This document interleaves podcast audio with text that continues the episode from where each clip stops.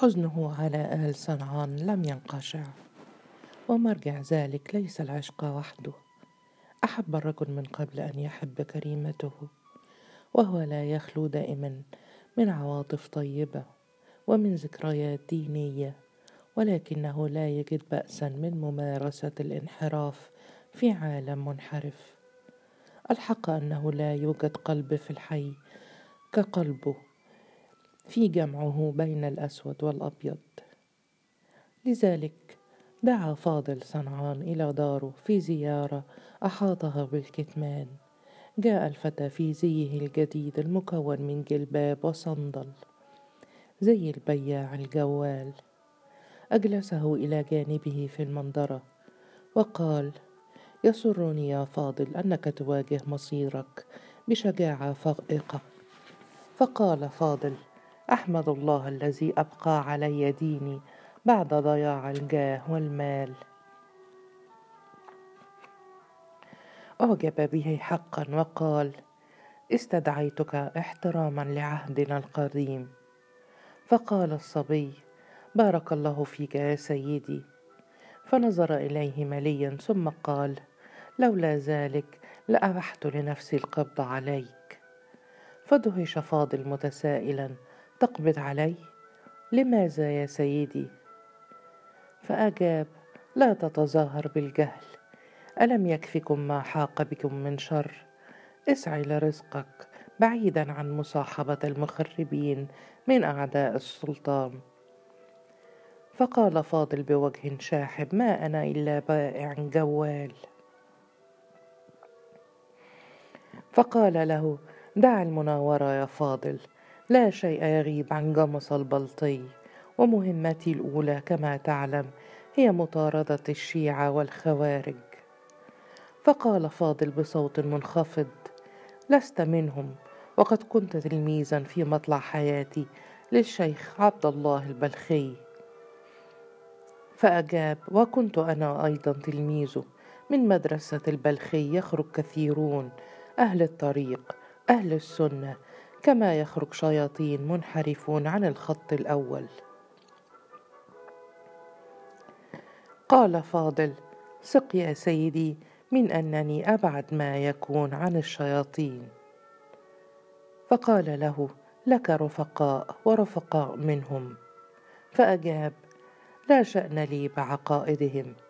فقال محذرا في البداية رفقة بريئة ثم تجيء النكسة وهم مجانين يكفرون يكفرون الحكام ويغررون بالفقراء والعبيد. لا يعجبهم العجب ولا الصيام في رجب كأن الله اصطفاهم دون عباده. احذر مصير أبيك فللشيطان طرق شتى. أما أنا فلا أعرف إلا واجبي. وقد بايعت السلطان كما بايعت حاكم الحي على إبادة المارقين. فقال فاضل بنبرة فاترة تأكد يا سيدي من أنني أبعد ما يكون عن المارقين. فقال جمصة منحتك نصيحة أبوية فقدرها.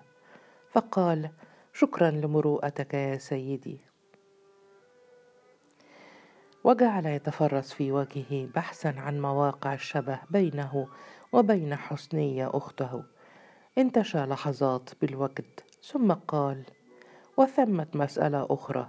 أرجو أن تبلغ والدتك أن تقديم التماس برد أملاك الأسرة يعتبر تحديا للسلطان فلا حول ولا قوة إلا بالله.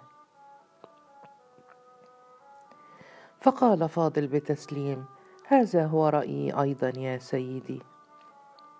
وانتهت المقابلة في سرية كما بدأت. وتساءل جمصة ترى هل يتاح له يوما أن يستدعيه ليطلب منه يد حسنية؟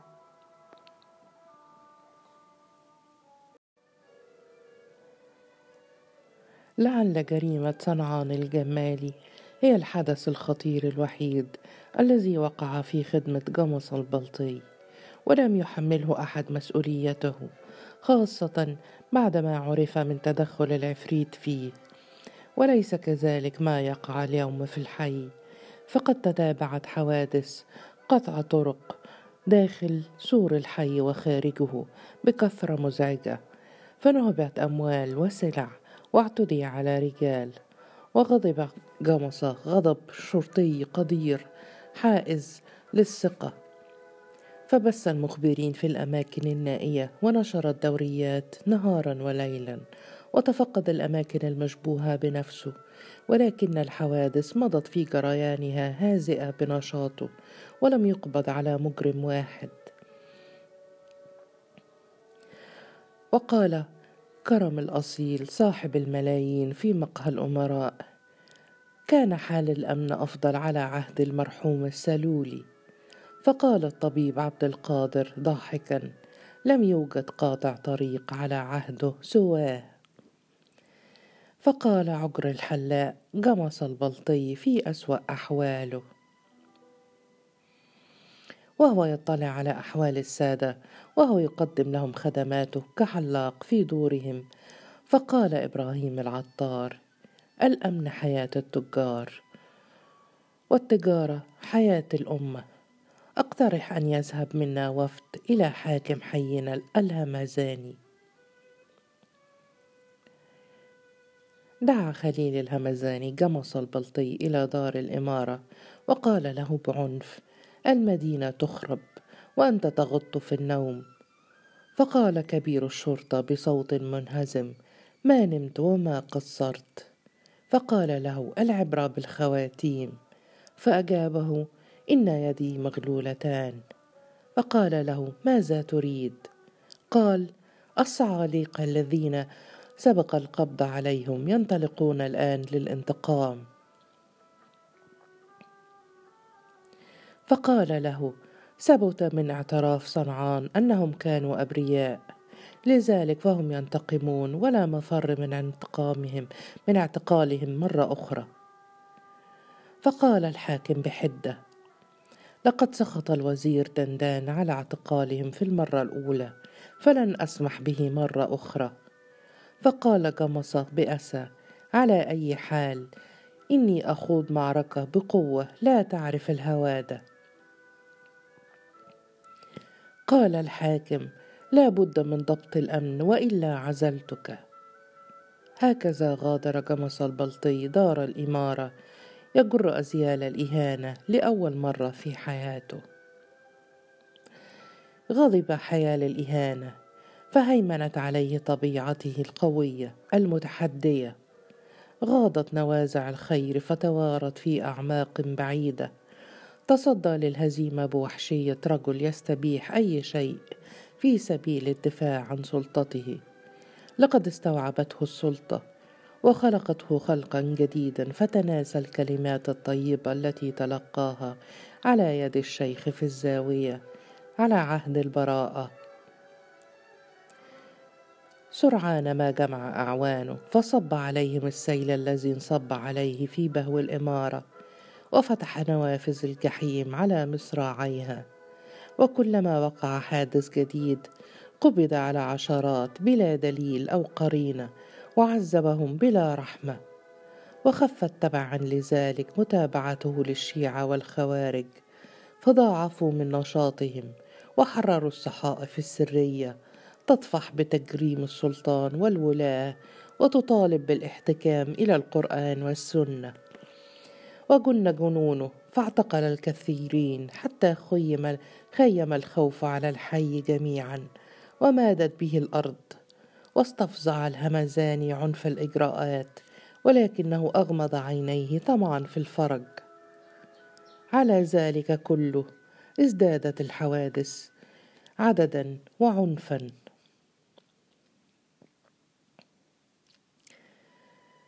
انهزم جمص البلطي ولكنه أبى الاعتراف بالهزيمة وجعل يبيت ليالي عديدة في دار الشرطة حتى تسلط الإرهاق على قوته الخارقة وغلبه النوم مرة في حجرة عمله فاستسلم له كأسد جريح لم يفز بالراحة المنشودة ولكنه طرح تحت طرح تحت ثقل وجود غليظ احتل جوارحه.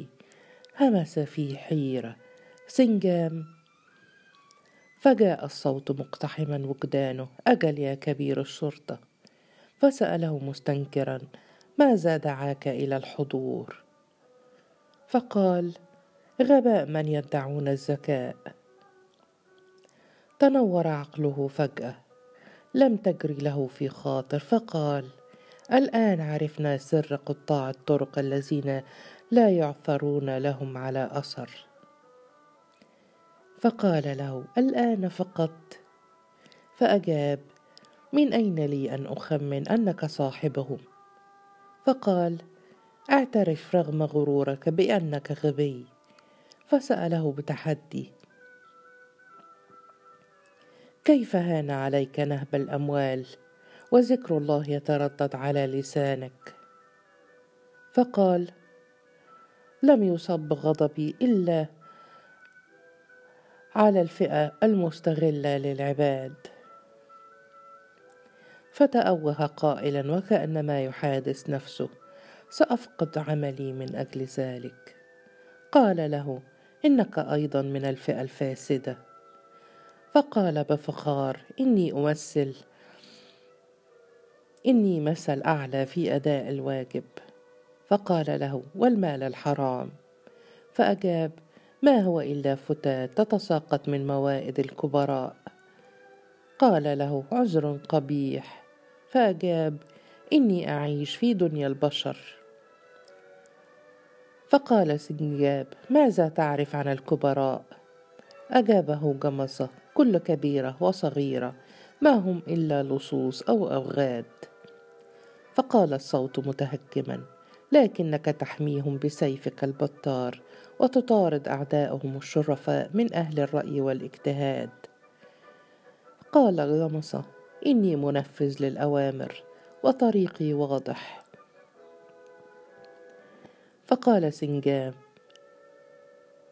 بل تطاردك لعنة حماية المجرمين واضطهاد الشرفاء. فقال ما فكر رجل وهو يؤدي واجبي هذا وإلا هلك. قال له اذا أنت أداة بلا عقل. فأجاب عقلي في خدمة واجبي فحسب. فقال عذر من شأنه أن يهدر إنسانية الإنسان. لمح في وجدانه خاطر فتفتحت له أبواب ونوافذ فقال بدهاء.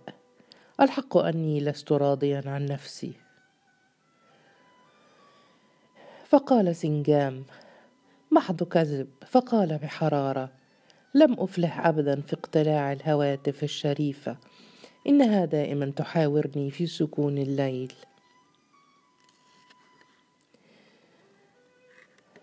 قال سنجام لا أجد لها اثرا في حياتك. فقال بلباقه تعوزني قوة تسندني عند الحاجة فقال له بل إنك تطارد الهواتف الشريفة كما تطارد الشرفاء. فقال بتحدي إني أضع نفسي تحت الاختبار. فقال له افصح عما تريد. فقال اجعل قوتك في مساندتي لا في معاندتي. فسأله ماذا تريد؟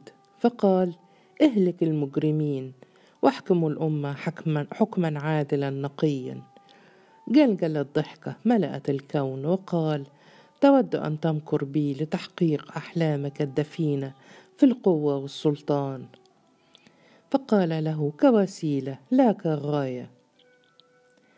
قال سنجام ما زال قلبك غارقا في العبودية. فقال له جربني إذا شئت. فقال سنجام إني عفريت مؤمن ولا أتجاوز حدودي ابدا. فقال جمص يائسا اذا فابعد عن طريقي بسلام.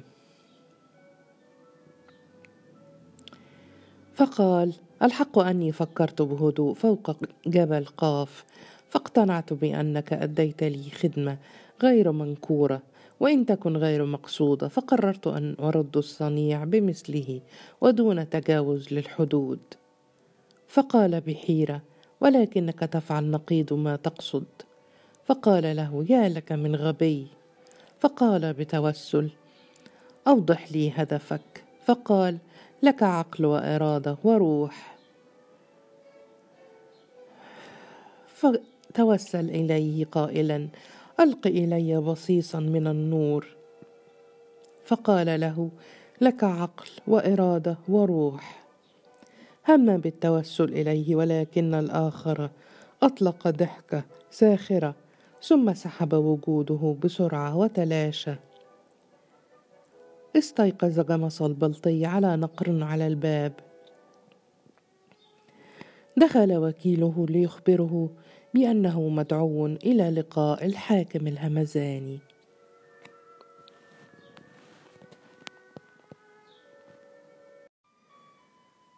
تمنى لو ترك لنفسه ليتأمل ولكنه لم يجد من الذهاب بدا. ما توقع خيرا من المقابلة. لم يعد ينتظر خيرا على الإطلاق. اختفت بروق الآمال في سماء الخريف. وصمتت طبول النصر. سيتارجح طويلا بين الحاكم وعبى السنجام. غاص في دوامه لا قرار لها فوق متن بغلته في الطريق إلى دار الإمارة. الطريق مفعم بالحركة والصوت تحاصره مطالب الحياة. الأعين تتابعه بازدراء لا سرور ولا غرور. وانقضت أيام الاغتيال حقير يقتاط على الحقارة. هذا ما أقنعه به سنجام. عزاؤه الوحيد كان أنه سيف الدولة. فل السيف وتقوض الأمن فأي وزن له الآن؟ لص قاتل حامي المجرمين ومعذب الشرفاء. نسي الله حتى ذكره به عفريت من الجن. وجد خليل الهمزاني واقفا وسط البهو كرمح مستعد للقتال. قال جمص بهدوء سلام الله عليك أيها الأمير. فصاح الحاكم بصوت متهدج من شدة الغضب انعدم السلام بوجودك. فقال بحزن إني أعمل حتى الموت. فأجابه لذلك سرقت جواهر حريمي من أعماق داري. فاق ذلك توقعه. تساءل عما يريد سنجام. وجم صامتا. صاح خليل الهمزاني ما أنت إلا حشاش أو شريك للصوص. فقال بصوت غليظ إني كبير الشرطة. فصرخ موعدنا المساء وإلا عزلتك وضربت عنقك.